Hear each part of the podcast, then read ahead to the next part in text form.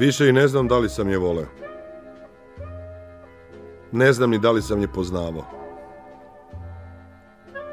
Živjeli smo posve različite priče koje su se sasvim slučajno slile u jednu, na kratko. Onako nenadano, kako to obično i biva, dok život ne počne da se dešava vođene nekim nerazumljivim spoljnim komandama. Sad znam da sam tada još uvijek bio dečak. Ona je bila devojčica. Nismo previše pričali, ali smo se nekako čudno razumeli. Možda pogrešno, ali smo se razumeli. Sve što sam znao i voleo bilo je gotovo nevidljivo pred onim što je ona imala.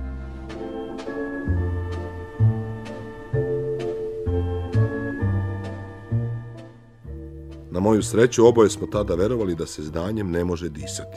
Voleli smo Miljkovića, Jablanove i tišinu, smeli se deci što ispred drakstora menjaju svet. Hodali smo čutke, ponekad se ljubili. Terao sam je da mi govori o Parizu, o kome je kao i o svemu drugom znala mnogo više od mene.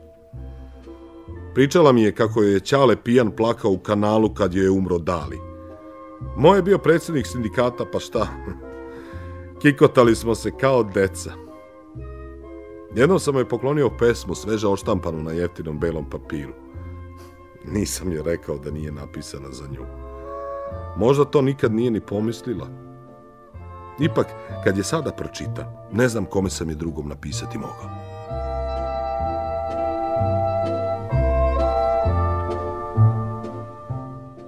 Potajno smo verovali u dobro, ali smo to prećutkivali.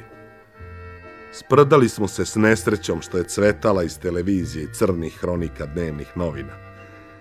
Nekakav morbidan članak o mrtvim bebama koji sam našao pod mokrim cipelama u njenom stanu, mesecima sam nosio u novčaniku. Čitali smo ga zajedno smejući se. Kod nje sam prespavao samo jednom.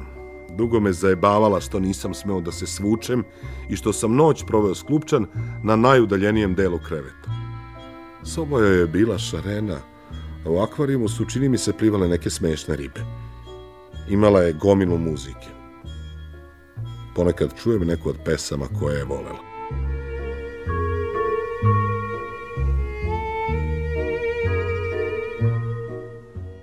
Onda smo jednostavno prestali da se poznajemo. Razmenili smo nekoliko gadnih reči koje ću, zakleo sam se tada zauvek pamtiti. Sad se ne sećam ni jedne. Mislim da se više nismo videli. Te večeri drugar je, kako mi je kasnije ispričao, sedeo pred njenom zgradom ispijajući pivo i čekajući je da doputuje. Autobusi su i ranije kasnili, ali ne ovoliko. Nakon dva sata napokon je prelomio i otišao.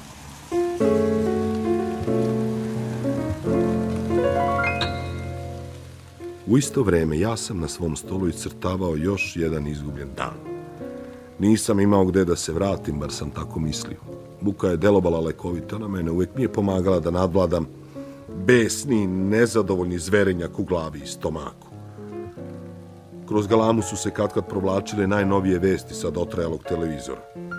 Rusi se kuče pred Amerikom, Amerika pred ostatkom sveta, u Iraku rat, u Srbiji demonstracije, saobraćajka na nekom mostu, neuspeh državne reprezentacije, vreme lepo i sve lepše, a sada... Gazda, malo muzike u kafani smo, majku mu nismo došli vesti da slušamo.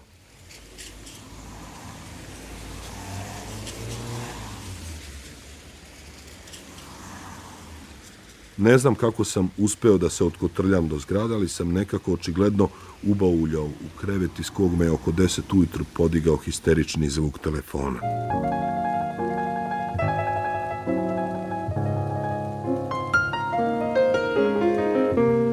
Javio sam se, a sve što sam uspeo da izgovorim bilo je jebote.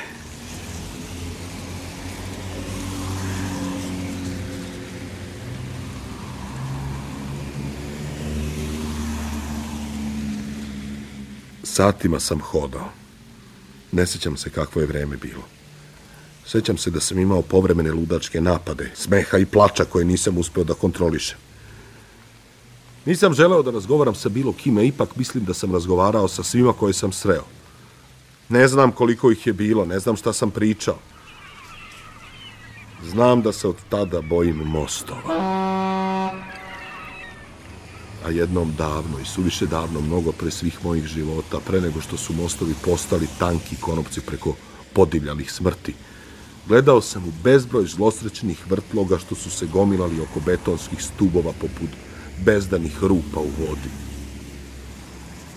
Mislim da je iz jedne od takvih rupa izvučena i Jelena, tog mamurnog dana dok sam tek probuđen hodao bezglavo ulicama.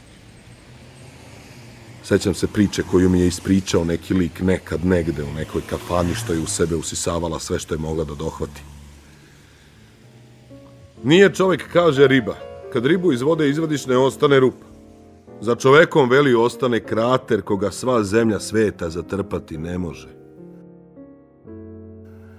Razmišljam o tome svaki put kad prelazim preko mostova.